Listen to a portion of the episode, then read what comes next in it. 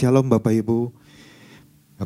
Pagi hari ini kembali kita mau belajar firman Tuhan ya. Apa yang menjadi pesan Tuhan buat kita di minggu ini judulnya adalah bahu membahu bergerak ke tujuan Tuhan. Ya. Di situ ada dalam menjadi super team. Ini sesuatu yang luar biasa ya. Di mana uh, kita kemarin sudah membahas pesan ini ya yang sudah disampaikan Bapak Gembala pada hari Minggu uh, diambil dari Injil Markus pasal yang kedua ayat yang ketiga dan keempat. Ya saya bacakan tuh Bapak Ibu semua.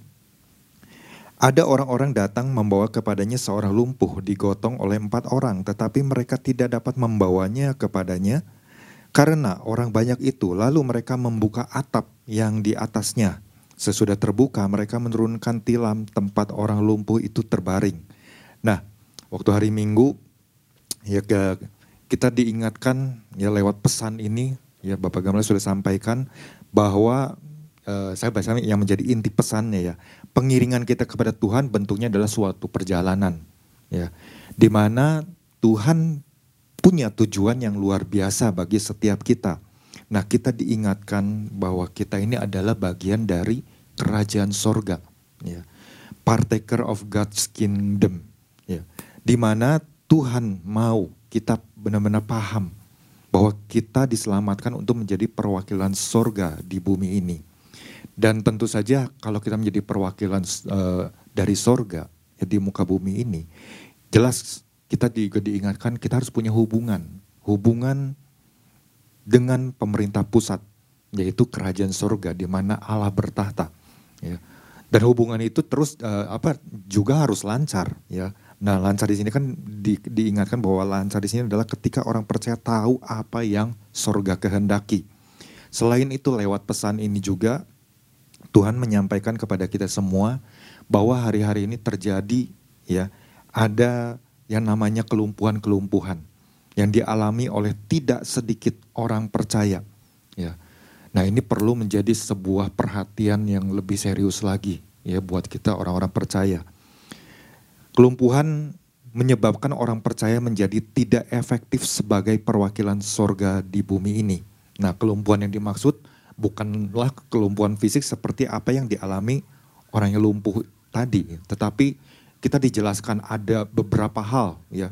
Ada kelumpuhan rohani, kelumpuhan dalam hubungan, kelumpuhan emosional, kelumpuhan akibat rasa takut dan khawatir yang berlebih, kelumpuhan yang diakibatkan oleh kebiasaan-kebiasaan yang buruk. Nah penjelasannya nanti Bapak Ibu bisa dengar kembali di YouTube ya. Karena ini perlu menjadi sebuah perhatian bagi kita orang-orang percaya.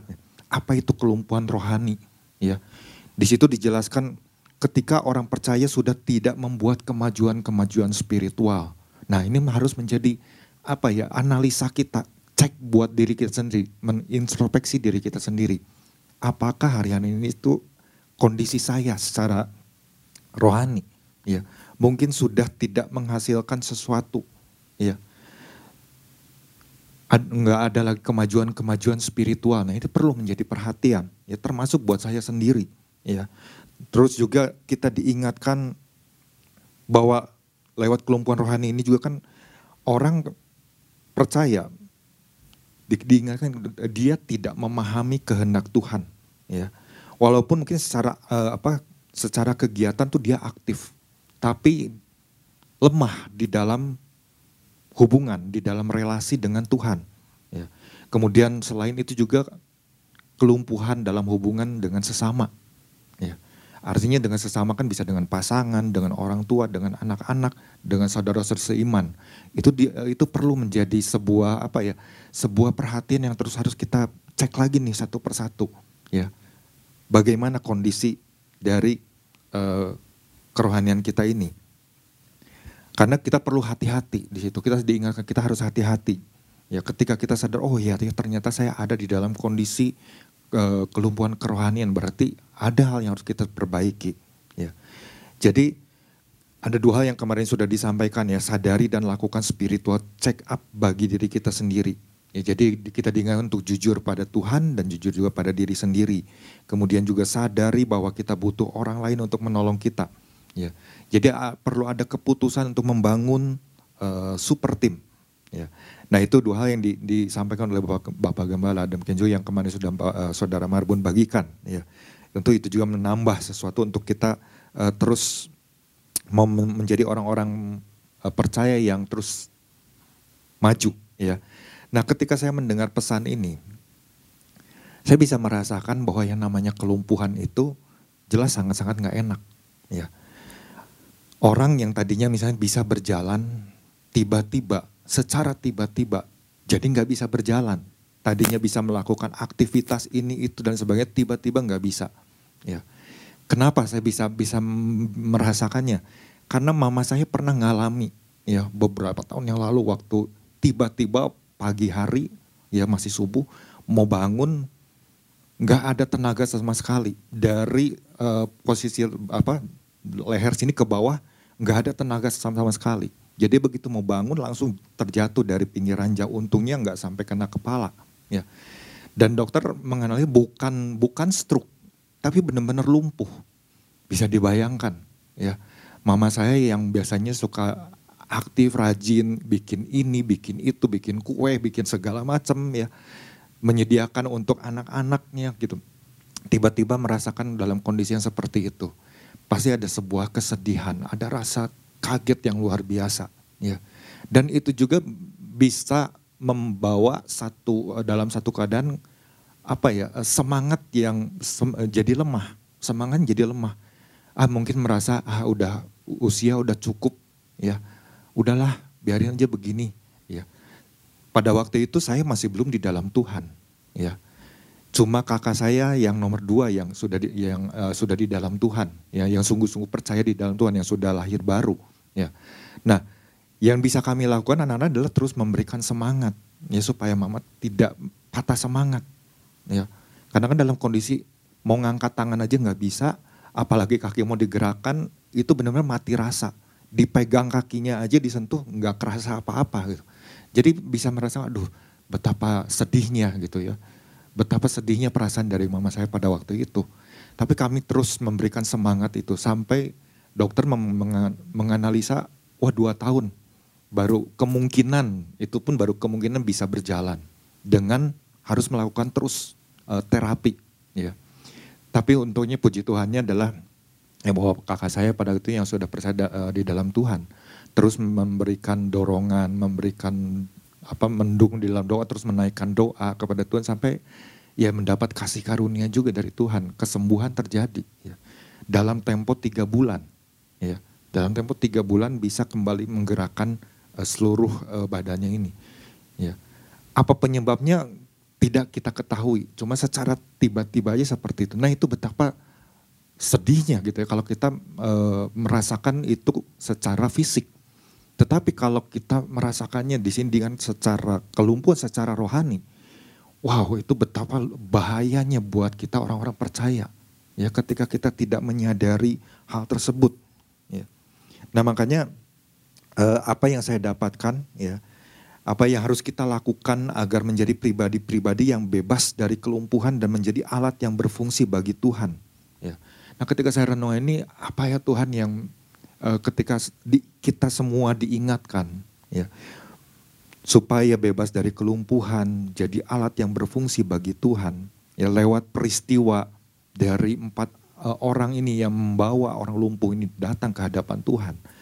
Saya mempelajari bahwa ternyata kita harus sadari bahwa yang poin pertama sadari bahwa kita adalah penghubung. Ya. Penghubung yang memiliki peran dan tanggung jawab sebagai kunci jawaban.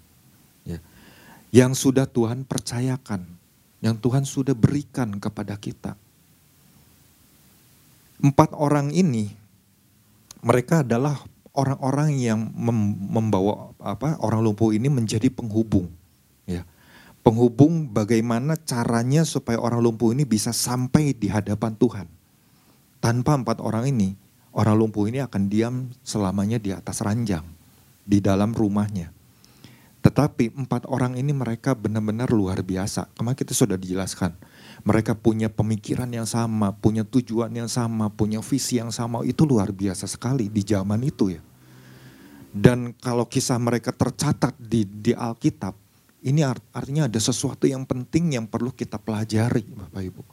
Dan saya melihat ini adalah sebuah tanggung jawab ya yang mereka lakukan loh. Ada peran mereka yang luar biasa.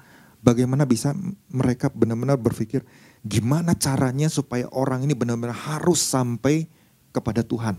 Ya, waktu mereka melihat ada wah nggak mungkin mereka nggak kehabisan akal ya. Ini ini yang yang sangat-sangat luar biasanya. Artinya mereka benar-benar tahu nih ketika mereka sudah memutuskan, ayo kita bawa ya orang ini ke hadapan Tuhan. Artinya mereka udah sepakat. Oke, kita bertanggung jawab ya. Kalau gimana kalau misalnya enggak sampai kepada Tuhan? Enggak, kita harus putuskan harus sampai ke kepada Tuhan. Nah, itulah yang luar biasa. Artinya tanggung jawab inilah yang mereka yang mereka uh, pegang dan mereka harus selesaikan sampai kepada akhir ya, sampai tuntas. Ini yang luar biasa. Ya.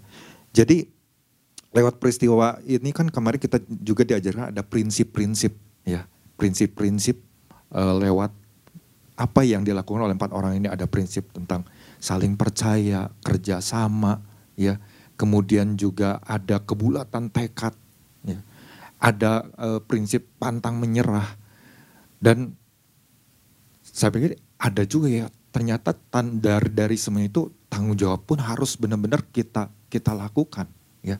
Artinya waktu kita mengambil peran itu, oh berarti ada tugas nih yang harus saya selesaikan.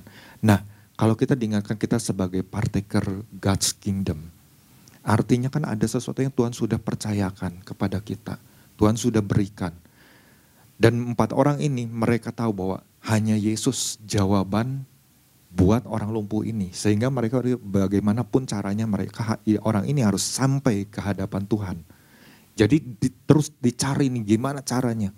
Dan mereka sampai membuat sebuah akses yang enggak kepikir mungkin pada waktu itu dari orang-orang lain di, yang ada di sana. Aksesnya adalah apa? Naik ya ke atas lewat tangga. Kalau Bapak Ibu mungkin lihat di Google cari bagaimana rumah-rumah padanya seperti yang sudah dijelaskan oleh Pak Isa kemarin. Ya atasnya itu seperti apa dak dak, beton begitu tapi bukan dari bentuk beton gitu ya seperti zaman sekarang tapi dari batu-batu dan bahan-bahan lainnya yang bisa sampai dibongkar seperti itu. Itu artinya wah mereka sampai kepikir punya cara bagaimana bisa membuat sebuah akses supaya bisa benar-benar sampai kepada Tuhan. Ini yang yang benar-benar harus kita renungkan. Nah sedangkan kita orang-orang percaya hari-hari ini kita pernah belajar, kita ini adalah orang-orang yang sudah diberikan akses khusus untuk datang kepada Tuhan. Dan akses itulah yang harus kita terus jalin, kita bangun. Supaya kita bisa mendapat terus tuntunan dari Tuhan, jawaban dari Tuhan. Jawaban itulah yang menjadi kunci untuk kita berikan kepada orang lain.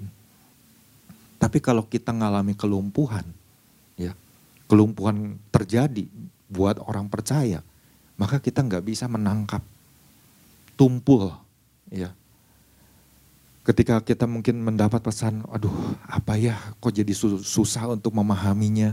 Atau su, uh, salah dalam hal um, memahami pesan Tuhan. Saya pun bisa mengalami hal tersebut ya. Bisa saja saya mengalami hal tersebut ya. Dan itu makanya menjadi satu apa ya satu uh, kebiasaan untuk saya selalu datang sama Tuhan, Tuhan kalau misalnya ada sesuatu terus Tuhan kasih tahu, ya. Artinya kan bisa lewat gembala dan lain sebagainya. Saya mau menjadi orang yang terus di, diajar, ya, mau terus dibentuk, ya, supaya kita jangan merasa wah baik-baik aja lah, enggak, ya. Justru kita harus selalu punya satu sikap yang uh, kerendahan hati, ya. Nah inilah yang dilakukan oleh empat orang ini, gitu ya jadi yang hal yang sangat uh, saya renungkan, wah ini mereka benar-benar paham ya tugas dan fungsi mereka ketika mereka sudah memutuskan ya bagaimana bisa membawa orang ini ya dan saya penasaran orang ini tuh kira-kira orang muda atau orang uh, atau dia udah udah usianya udah udah cukup tua ya. ternyata kalau bapak ibu menemukan di dalam versi bahasa um, mudah dibaca di situ ditulis uh, anak muda ternyata. Wah, sebenarnya anak muda aja udah ngalami kelumpuhan, ya. Berarti ada sesuatu. Nah, kita nanti akan akan bahas juga ya di bagian lainnya. Jadi kalau ketika uh, mereka memutuskan seperti ini, jadi waktu mulai dari berangkat sampai bisa ada di hadapan Tuhan, artinya mereka sadar kita sudah memutuskan ya, kita membawa orang ini berarti ada tanggung jawab, ada peran, ada tugas yang harus kita selesaikan. Gimana kalau ada terjadi yang enggak, kita harus selesaikan. Wah, itu itu satu hal yang harus kita uh, belajar sama-sama, ya. Artinya oh iya, kalau hari-hari ini Tuhan ingatkan pesan demi pesan kita sebagai orang percaya, ya. Punya tugas. Tugasnya adalah apa? Kalau kita terima visi ya di, di tahun ini. Tahun untuk menyatakan kasih Tuhan, mencelikan orang-orang yang buta. Itu adalah sebuah tugas dan tugas itulah yang harus kita jalankan. Tapi kalau kita dalam kondisi yang diingatkan Tuhan di sini, ada dalam kondisi kelumpuhan-kelumpuhan apa saja ya. Nah nanti Bapak Ibu pelajari lagi kelumpuhan rohani, kelumpuhan dalam hubungan, mungkinkah gitu kan. Ya. Kita bisa cek lagi apakah dalam hal emosional, apakah ketika kita terlalu dikuasai oleh rasa takut, khawatir, atau mungkin karena ada masih ada kebiasaan-kebiasaan buruk ya yang masih kita sembunyikan. Nah, itu yang menjadi penghalang-penghalang. Saya dalam kondisi kalau hari ini ya di dalam tubuh saya ini ada bagian-bagian yang cukup mengganggu.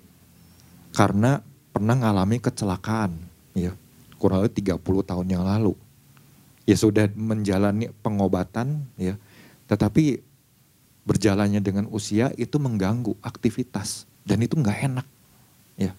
Dan ketika saya renungkan lagi oh iya ya Tuhan dalam hal ini aja bisa mengganggu ya pertumbuhan kerohanian saya. Sekarang ini dua tangan ini aja kalau dulu mungkin kalau masih muda kan namanya push up itu suka pakai cuma dua jari ini aja gitu ya. Atau kadang-kadang suka wah nantang di push up cuma pakai satu jari begini kalau sekarang ini ini suka gemetaran seperti cuma dua jari ini, ini jadi masalah buat saya sendiri, gitu. Ya. Kadang karena apa? Kadang ada otot tersyaraf di di bagian lengan sini yang yang mengganggu. Kalau misalnya di, lagi diobati atau kadang-kadang nggak kepegang, tapi dalam keadaan tertentu, eh dipegang sama sendiri, aduh sakitnya nggak enak ya. Ini sampai ke ujung jari sini, kerasa itu ada titik yang ter, yang yang mengganggu. Gitu. Ya. Belum lagi pernah juga di, di bagian pinggang sini ya cukup mengganggu juga. Sehingga waktu melakukan aktivitas saja udah nggak maksimal. Dan ternyata waktu saya renungkan, iya ya Tuhan ternyata dalam hal ini aja bisa mengganggu. Tetapi saya nggak boleh belajar untuk terus mengeluh. Atau membiarkan akhirnya saya menjadi lumpuh. Ya lumpuh secara rohani saya ingat akan perkataan apa yang Rasul Paulus sampaikan di dalam 2 Korintus 12 ya. Di ayat yang ke-7 sampai 10 ya. Tapi sampai di ayat yang ke-8 yang sampai dimunculkan. 8, 9, 10 nanti ya. Tentang hal itu aku sudah tiga kali berseru kepada Tuhan supaya utusan iblis itu mundur daripadaku. Jadi ada ada Paulus merasakan ada duri dalam daging. Ya, dia merasakan ada satu kelemahan di dalam tubuhnya tapi itu tidak menjadi penghalang bagi dia untuk terus melakukan tugas yang Tuhan sudah percayakan. Ada tanggung jawab yang harus terus dia pikirkan sampai bagaimana dia membangun uh, apa sebuah tim yang luar biasa. Anak-anak rohani yang benar-benar bisa bekerja sama, bertanggung jawab bersama-sama untuk menyelesaikan tugas yang Tuhan percayakan. Wah, ini sesuatu yang luar biasa, ya. Jadi Bagaimana kemudian Tuhan ingatkan lewat ayat kesembilannya apa yang Tuhan katakan. Tetapi jawab Tuhan kepadaku, cukuplah kasih karuniaku bagimu sebab justru dalam kelemahanlah kuasaku menjadi sempurna. Jadi jangan kita menjadi orang yang karena kelemahan yang mungkin kita alami, membuat kita menjadi pada akhirnya, wah mulai lumpuh di dalam hal-hal tertentu. Entah dalam hal emosionalnya, entah dalam hal kerohaniannya, entah dalam hubungan dengan sesama, dengan pasangan, dengan anak, dengan orang tua, ya atau dengan saudara seiman, itu bukanlah menjadi alasan karena Tuhan katakan apa? Justru dalam kelemahanlah kuasaku menjadi sempurna. Oh, di situ saya jadi sadar. Ya, itu yang menguatkan saya bahwa Tuhan sekalipun mungkin ini menjadi penghalang, tapi saya nggak boleh membuat diri saya itu justru menjadi semakin undur, semakin jauh. Tapi ini harus saya terus kejar, yang harus terus saya bangun. Ya. Kadang-kadang ada dalam satu kondisi, aduh malas ya ngajak-ngajak anak-anak susah gitu. Saya akui itu. Tetapi saya nggak boleh membiarkan hal itu terus terjadi. Saya harus ingatkan lagi, ingatkan lagi.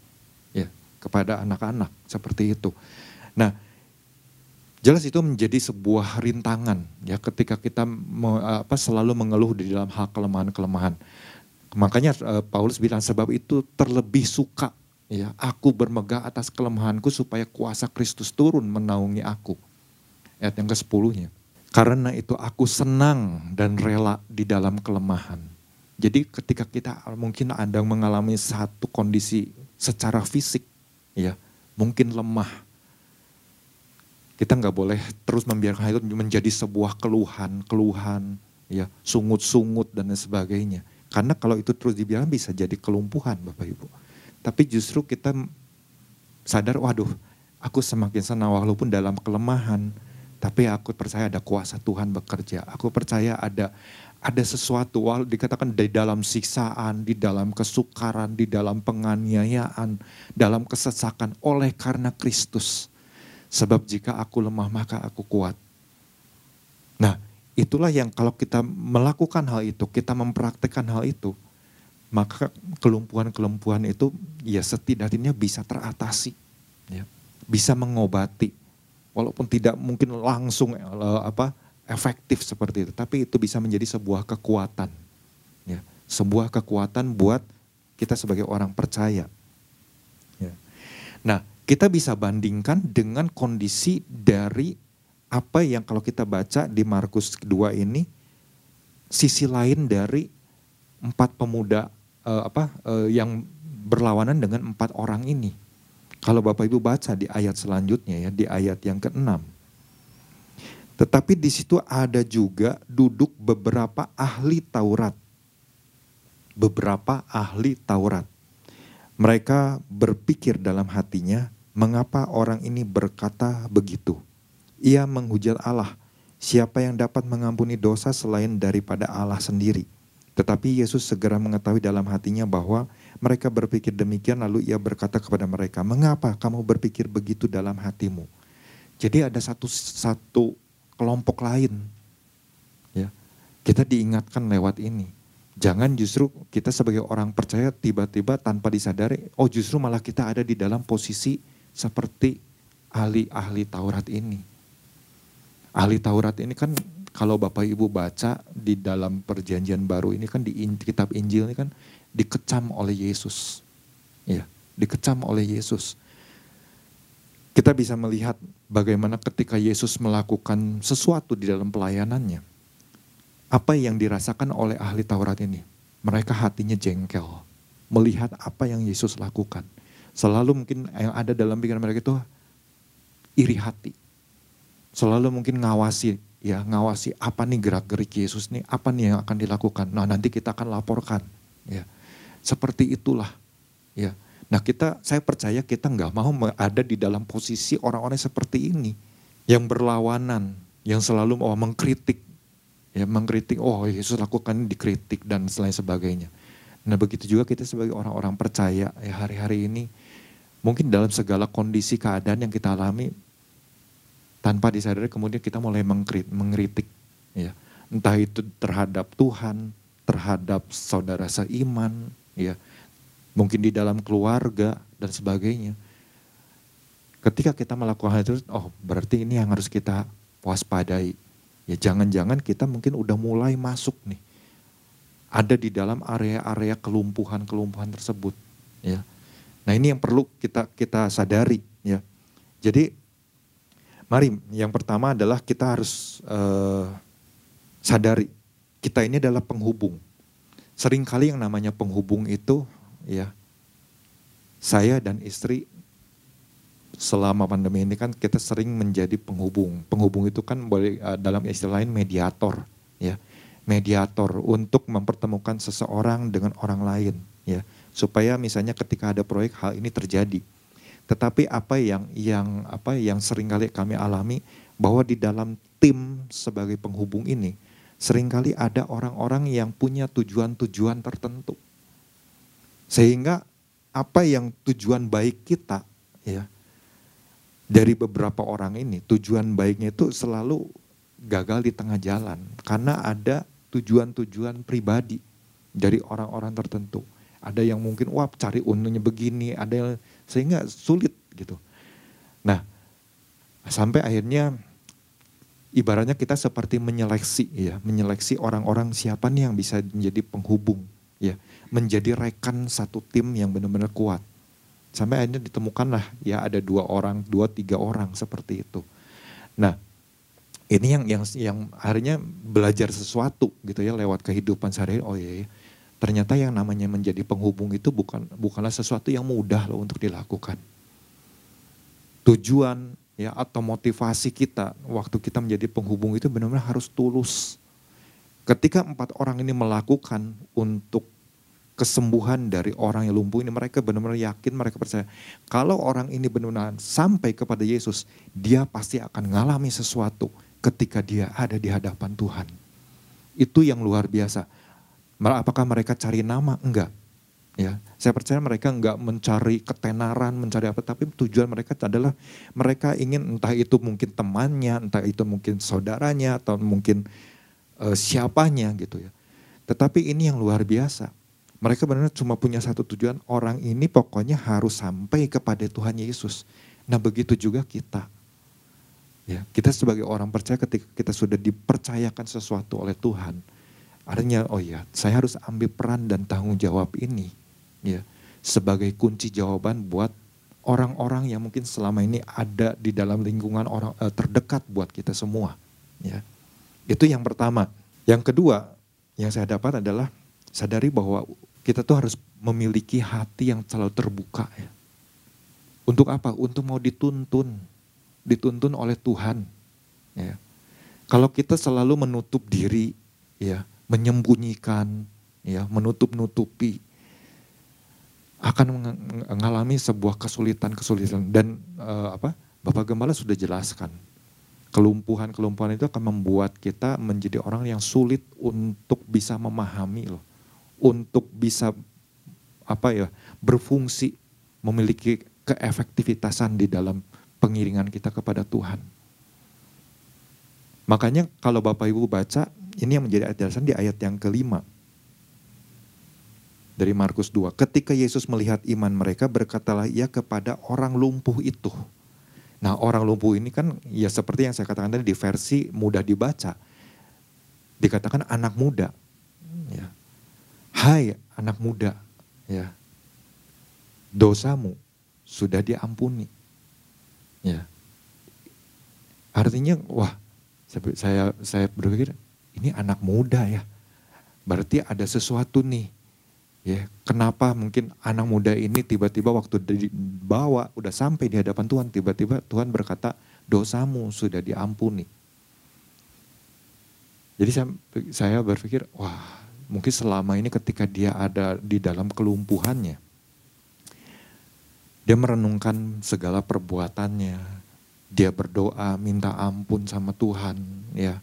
Mungkin atas segala kesalahannya dia mengakui hal tersebut, ya tetapi bagaimana dia punya sebuah kesempatan sampai pada waktu empat orang ini tiba-tiba menyampaikan satu kabar, Yesus ada di sini. Ayo, kamu harus ketemu, kamu harus berjumpa sama Tuhan Yesus. Ya, di situlah dia pun percaya kepada empat orang ini. Dia mau eh, dibawa kepada Yesus. Tapi bayangkan kalau misalnya dia menutup diri, enggak saya enggak mau.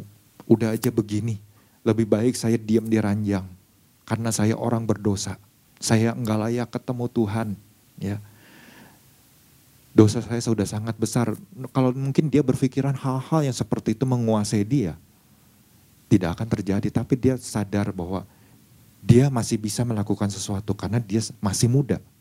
Aduh, nggak enak ya dalam kondisi yang seperti ini. Saya masih ingin hidup saya berarti bagi banyak orang saya ingin memperbaiki masa lalu saya yang tidak baik ya dan lain sebagainya. Mungkin itu bisa terjadi ya di dalam kehidupan dia sebelumnya. Sampai Tuhan katakan dosamu sudah diampuni. Mungkin kalau kita misalnya datang sama sama Tuhan kemudian Tuhan katakan dosamu sudah diam. Kalau kita menjadi orang yang menutup diri, orang yang kayak oh begitu dikatakan seperti itu tersinggung amat ya. Aduh aku dengan dosamu sudah dosa apa seperti itu ya. Kita nggak akan ngalami yang namanya kesembuhan, pemulihan. Tetapi orang ini dia membuka hatinya. Dia mau dituntun sama Tuhan. Ketika Tuhan katakan dosamu sudah diampuni. Dia langsung mungkin berkata, ya Tuhan terima kasih. Tuhan sudah mendengar doaku. Tuhan sudah menjawab doaku ketika aku menyadari segala dosa kesalahanku. Ini yang yang mau untuk terus kita sebagai orang percaya merefleksi, ya. Terus mau mengakui kita bukan orang yang sempurna Bapak Ibu. Tetapi kita menjadi ketika kita sadar bahwa oh Tuhan saya mau terus membuka hati. Ya. Seperti seorang Daud ya kan. Tuhan selidiki aku ya. Lihat apakah jalan-jalanku eh, serong ya. Itu adalah sesuatu yang yang dilakukan oleh. Tuhan tunjukkan jalanmu, beritahukan jalan-jalanmu itu adalah sebuah sikap yang ditunjukkan orang yang mau membuka hati membuka hati untuk mau terus dituntun oleh Tuhan. Terlebih lagi kan misalnya dituntun oleh gembala. Kalau Tuhan yang nggak kelihatan aja mungkin orang kadang-kadang sulit ya. Tapi kalau orang yang misalnya bisa terlihat oleh kita, misalnya gembala kita menuntun kita, tapi kita nggak mau dituntun, maka kita akan sulit mengalami pemulihan. Nah, ini juga dibandingkan lagi dengan orang-orang ahli-ahli Taurat tersebut ketika mereka melihat hal tersebut. Ya. Makanya Bapak Ibu menjadi sebuah perenungan buat kita nanti Bapak Ibu bisa baca di rumah. Kalau baca di dalam Matius pasal yang ke-23 bagaimana Yesus mengecam ahli-ahli Taurat, orang-orang Farisi, orang-orang munafik. Ya, apa aja sih yang mereka lakukan itu menjadi sebuah spiritual check up buat kita sebetulnya. Ya. Apakah mungkin kita ada di antara itu? Ya oh jangan-jangan selama ini saya sudah bersikap munafik ya. Saya menjadi orang-orang yang menghalangi orang untuk datang kepada Tuhan. Ya. Kalau Bapak Ibu lihat di dalam uh, Matius 20 ayat ke-13, apa yang dikatakan oleh Yesus? Celakalah kamu hai ahli-ahli Taurat. Di sini disebut ada ahli-ahli Taurat. Kalau di Markus di sini dikatakan ada beberapa ahli Taurat yang ada di situ kebetulan ketika Yesus melakukan uh, waktu apa dikerumuni oleh orang banyak di rumah di mana Yesus tinggal pada waktu itu. Di sini dikatakan dan orang-orang Farisi dan hai kamu orang-orang munafik karena kamu menutup pintu-pintu kerajaan sorga di depan orang. Sebab kamu sendiri tidak masuk dan kamu merintangi mereka yang berusaha untuk masuk. Nah kita nggak mau ada di dalam posisi yang seperti ini. Jangan sampai ada ada di dalam posisi yang seperti ini. Ya kita sama-sama diingatkan. Tapi ketika kita mau membuka hati, justru di situlah kita sadar, oh selain ada peran, tugas yang Tuhan percayakan, ada tanggung jawab. Berarti kita juga harus selalu mau membuka hati. ya Membuka hati untuk terus dituntun oleh Tuhan. Dan ketika dituntun kita mau terus berubah. Cara pandang, cara pikir kita. ya Sehingga kita terus bisa memiliki pandangan yang jauh ke depan Nah inilah yang yang pagi hari ini Bapak Ibu kita sama-sama belajar. Jadi ketika ada dosa ya di situ kan Yesus katakan kepada anak muda ini, dosamu sudah diampuni. Nah kita mari kita cek lagi, aduh berarti kalau ada dosa yang masih belum dibereskan, ini harus segera dibereskan. Kalau dibiarkan berlarut-larut, itu akan menjadi sebuah kelumpuhan. Ya. Ketika ada sesuatu yang Bapak kembali sudah diingatkan, ada yang ditutup-tutupi, ada yang disembunyikan. Maka kita nggak akan bisa ya, menangkap rencana Tuhan. Kita nggak akan bisa terus bergerak ke, da ke dalam tujuannya Tuhan. Justru kita menjadi penghalang-penghalang. Kalau kita melihat bagaimana keluarga Nuh, ya anak-anaknya ketika Tuhan perintahkan bangun bahtera itu kan sebuah kerjasama yang luar biasa. Mereka bisa membangun bahtera dengan ukuran yang tepat dikatakan melakukan dengan tepat itu sebuah hal yang luar biasa. Ya. Tapi kalau ahli-ahli Taurat ini di sini posisinya kan dia selalu menghalang-halangi, berusaha untuk menghalang-halangi. Udah jangan eh, kalau bisa jangan jangan percaya sama Yesus. Kalau bisa udah jangan ketemu sama Yesus, mungkin seperti itu. Ya. Nah ini sangat berbahaya kalau kita sebagai orang percaya itu ada di dalam posisi seperti itu. Pada waktu itu ada beberapa ahli Taurat yang bersikap seperti itu. Ya. Dan Yesus begitu mengecam keberadaan mereka. Dan ketika dikecam pun mereka nggak menyadari, ya, nggak menyadari tentang keberadaan mereka itu sendiri. Makanya Yesus katakan, apa yang diajarkan boleh kamu ikuti yang diajarkannya, tapi segala perbuatan mereka itu jangan kamu ikuti, ya, karena mereka bisa mengatakan tapi mereka tidak melakukan. Nah ini yang perlu kita sama-sama renungkan, ya, supaya jangan ada seperti yang Tuhan ingatkan.